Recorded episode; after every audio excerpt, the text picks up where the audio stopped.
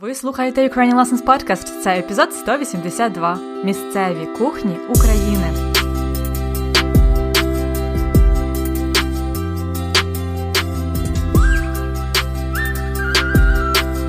Привіт-привіт! Мене звати Анна Огойко, і це подкаст Уроки української. Подкаст для всіх, хто вивчає і любить українську мову, а також для тих, хто любить українську культуру і їжу.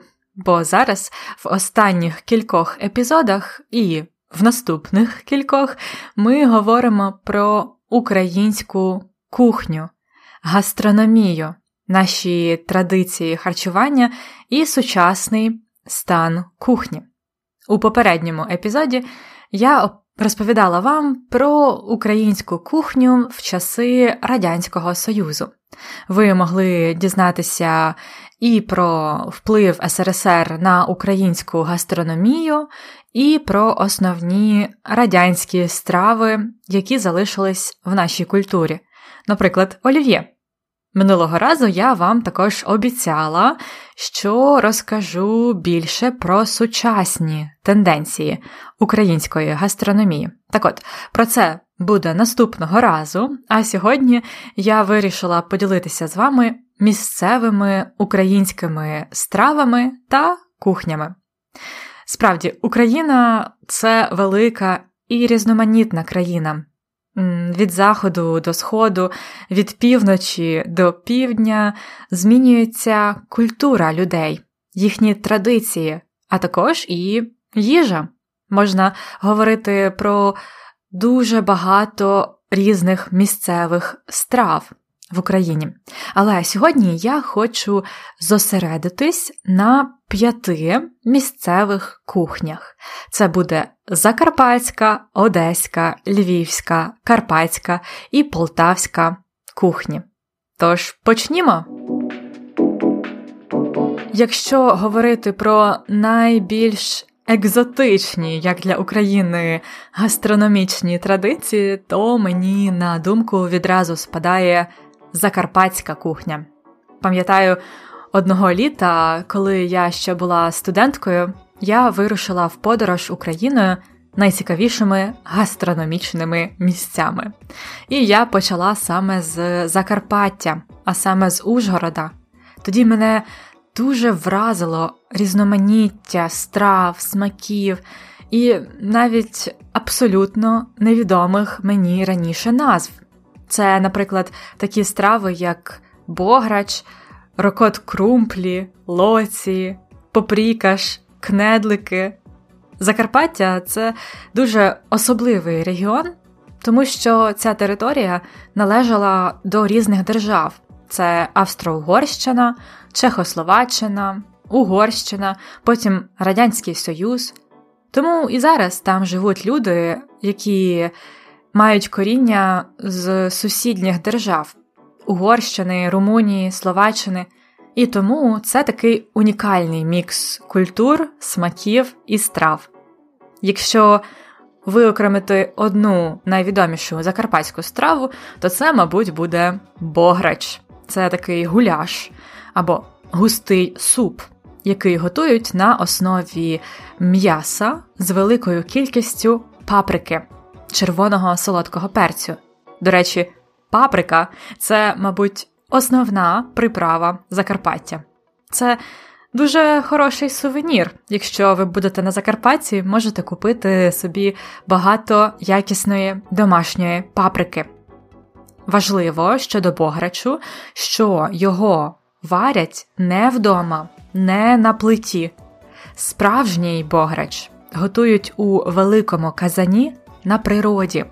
Це можна сказати соціальна страва для великої кількості людей.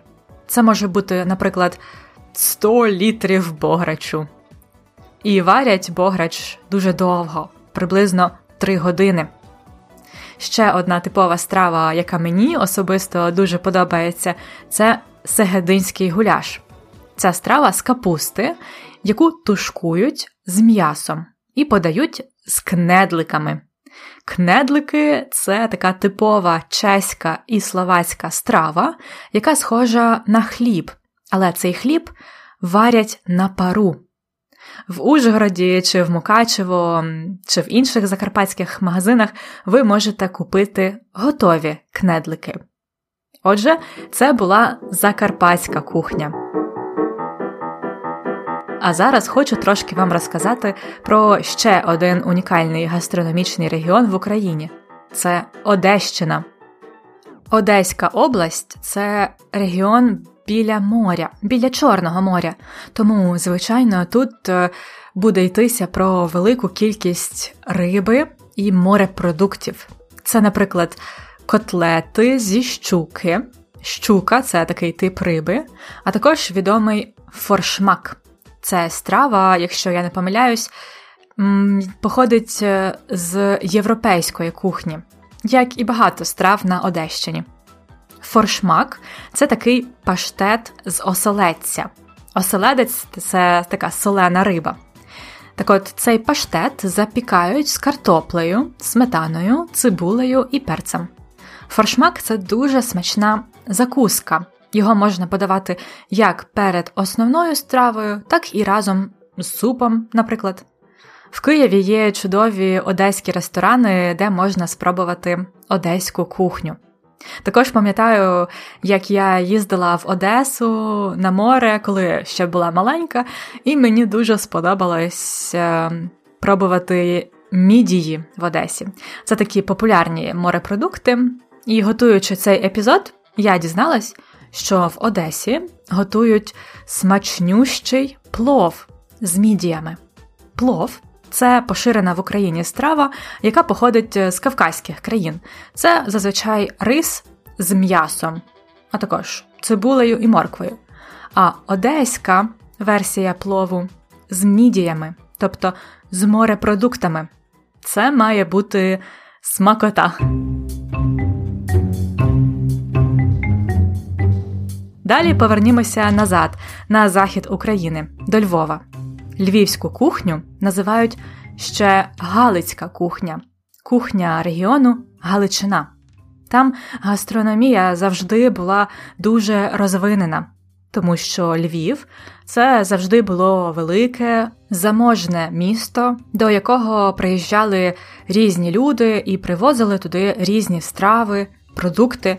А також у Львові рано почала існувати ресторанна культура і кав'ярні. На Львівщині супи називають зупи або зубки, як у Польщі. Їх часто готують з рибою, а саме озерною рибою, тому що на Львівщині багато саме озер. Типова страва, про яку мені розповідали знайомі, які живуть на Львівщині, це бурячки або цвіклі. Це салат з буряка і хрону. Хрін це можна сказати українська версія соусу чілі. Це такий корінець, який сам по собі дуже гострий. В Україні ми використовуємо хрін в різних стравах, а особливо на Львівщині дуже люблять робити з хроном ось такий салат з буряком, бурячки або цвіклі. Особливо він традиційний на Різдво чи Великдень. Ну а на десерт у Львові та взагалі на Львівщині випікають багато різних смаколиків. Але центральним є відомий львівський сирник.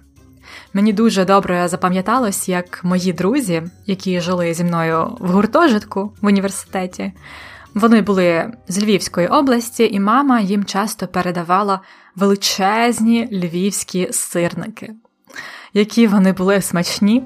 Це можна сказати українська версія чизкейку, але він трошки відрізняється, бо сирник готують на основі українського домашнього сиру, який дещо інший, ніж Філадельфія, а також е, його часто поливають шоколадом. М-м, Смакота. Далі також хотіла згадати окремо про карпатську кухню. Так, я говорила про Закарпаття, але Карпати в Івано-Франківській і Чернівецькій області, наприклад, мають особливу кухню, тому що люди там живуть в горах з унікальною природою та досить важкими умовами. У Карпатах У горах розводять овець, і з овечого молока роблять різні види сирів. Найвідоміший це бринза, але також є інші види, наприклад, будз і вурда. Я, коли приїжджаю в Карпати, то поскоріше намагаюся замовити одну страву це банош. Це така каша з кукурудзяної крупи. Тобто це як полента, але банош варять на сметані і подають з карпатським сиром, а також інколи зі смачнющими карпатськими грибами. Так, якщо ви любите гриби, тоді вам обов'язково треба побувати в Карпатах. І остання кухня, про яку я хочу згадати сьогодні, хоча це не остання особлива українська місцева кухня, це буде полтавська кухня. Коронна страва Полтавщини це галушки. Галушки це старовинна і така дуже українська страва, про яку писали багато письменників, зокрема Микола Гоголь. Це тісто, таке собі звичайне тісто, яке відварюють як вареники. Але, на відміну від вареників, галушки маленькі і часто без начинки. Хоча так само є також е, так звані фаршировані галушки з м'ясом всередині. Окремо до галушок подають е, соус, зазвичай це сметана, чи інколи галушки їдять супом. Часто на Полтавщині галушки подають саме до борщу. М-м, Дуже смачно борщ з галушками. Зі страв, які не так відомі решті українців, на Полтавщині готують мандрики це пампушки на основі сиру, сметани та тіста. А ще є пундики це смажені такі коржі з тіста, можна сказати, млинці. Вони бувають солоні, тоді їх подають з цибулею і салом, або солодкі, тоді їх подають з медом. Ну, все, я більше не можу. У мене вже аж слинки потекли. Треба закінчувати, тому що я вже дуже хочу їсти. Але хочу згадати ще тільки одне: мою улюблену страву це деруни, млинці з картоплі. Їх готують багато де в Україні, також в Білорусі, але столицею дерунів в Україні вважають Коростень. Це місто на півночі України в Житомирській області. Восени в Коростені навіть проводять щорічний фестиваль дерунів.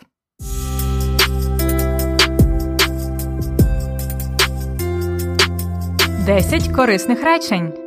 А зараз розгляньмо 10 речень з моєї розповіді детальніше. Речення номер один. Я сказала: Я вирушила в подорож Україною найцікавішими гастрономічними місцями. Я вирушила в подорож.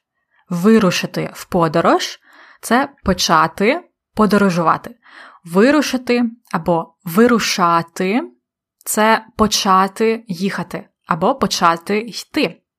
Я вирушила в подорож Україною найцікавішими гастрономічними місцями.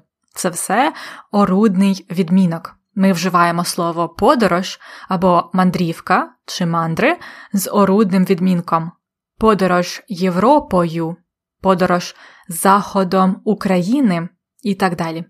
Повторіть, я вирушила в подорож Україною найцікавішими гастрономічними місцями.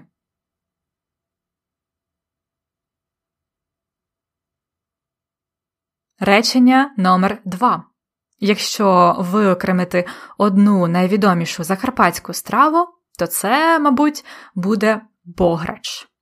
На Закарпатті є багато чудових страв, але якщо виокремити або якщо виділити одну найвідомішу закарпатську страву, то це, мабуть, буде бограч. Або якщо виокремити один найкращий сайт для вивчення української мови, то це, мабуть, буде Я думаю, ви знаєте, який це сайт. Так, це самореклама. Повторіть ще раз частинами. Якщо виокремити одну найвідомішу закарпатську страву, то це, мабуть, буде бограч. Якщо виокремити одну найвідомішу закарпатську страву, то це, мабуть, буде бограч. Далі речення номер 3 Справжній бограч готують у великому казані на природі. Справжній бограч готують, тобто люди готують загалом, у великому казані на природі. Ми говоримо на природі, коли йдеться про відкритий простір. Це може бути ліс чи біля річки, чи в оточенні природи, тобто не вдома, а на вулиці, на природі. А казан це така велика каструля, спеціально для того, щоб готувати щось на вогні, на природі. Казан. Повторіть ще раз: справжній бограч готують у великому казані на природі. Наступне речення номер 4 Форшмак це дуже смачна закуска. Закуска це тип страви. Це може бути щось, чим закушують, особливо алкоголь, горілку, наприклад. Наприклад, маленький бутерброд, який їдять як закуску після того, як випивають горілку. Але інше значення слова закуска це страва, яку просто подають перед основними стравами. Наприклад, форшмак, одеський паштет з риби з хлібом це закуска, яку подають перед тим, як подати рибу, наприклад. Повторіть, форшмак це дуже смачна закуска. Наступне п'яте речення. В Одесі готують смачнющий плов з мідіями. Пам'ятаєте слова величезний і довжелезний з минулого епізоду? Інший суфікс, який так само посилює значення слова, це ущ або ющ, смачнющий, дуже смачний. Ще може бути, наприклад, поганющий чи злющий. Так от в Одесі готують смачнющий плов, тобто страву з рису, з мідіями. Мідії це mussels англійською. Мідії. Повторюйте за мною. В Одесі готують смачнющий плов з мідіями. Наступне шосте речення. Коронна страва Полтавщини це галушки. Коронна страва це основна страва певної кухні, ресторану чи регіону, страва, якою вони пишаються. Коронна страва Закарпаття це, мабуть, бограч, а коронна страва Полтавщини це галушки. А яка ваша коронна страва? Яку страву ви вмієте дуже добре готувати? Моя коронна страва це, мабуть, гарбузовий суп з кесадільями. Угу. Повторіть ще раз: коронна страва Полтавщини це галушки. Далі речення номер 7. Ну все, я більше не можу. Так, це ви можете сказати, якщо ви більше не можете чекати чи терпіти. Ну все. Я більше не можу. I can't take it anymore. Я більше не можу. Повторіть. Ну все, я більше не можу. Речення номер 8. У мене вже аж слинки потекли. Слинки це те, що утворюється в роті, коли ви хочете їсти. Слинки течуть або слинки потекли, це коли людина чує про щось апетитне або бачить смачну страву і хоче її скоріше з'їсти. Я сьогодні розповідала багато про смачну їжу, тому у мене слинки потекли. А у вас потекли слинки? Повторіть, у мене вже аж слинки потекли. Наступне речення номер 9. Хочу згадати ще тільки одне.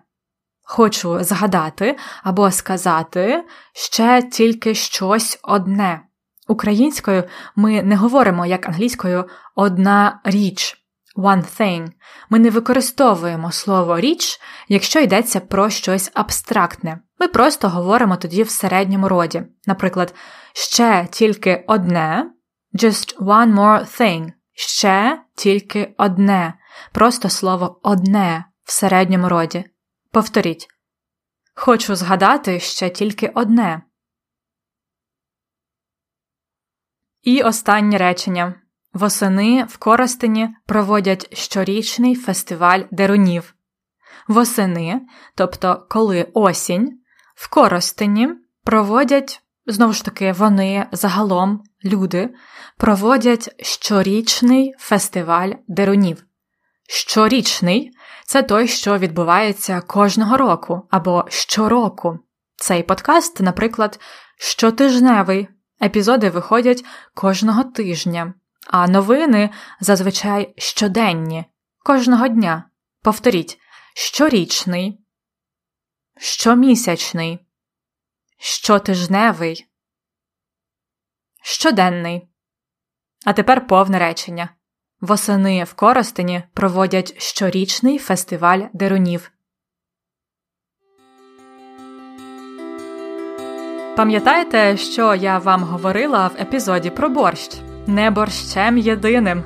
Сьогодні ви могли переконатися, що в Україні є дуже багато цікавих, оригінальних і смачних місцевих страв, які потрібно обов'язково вам спробувати.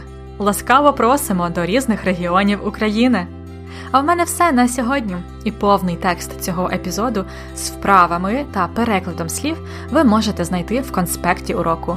Конспекти та картки доступні за преміум підпискою. Дізнатися більше про преміум ви можете за посиланням ukrainianlessons.com риска епізод 182 ukrainianlessons.com episode 182 Бажаю вам смачних страв, гарного дня чи вечора. До побачення!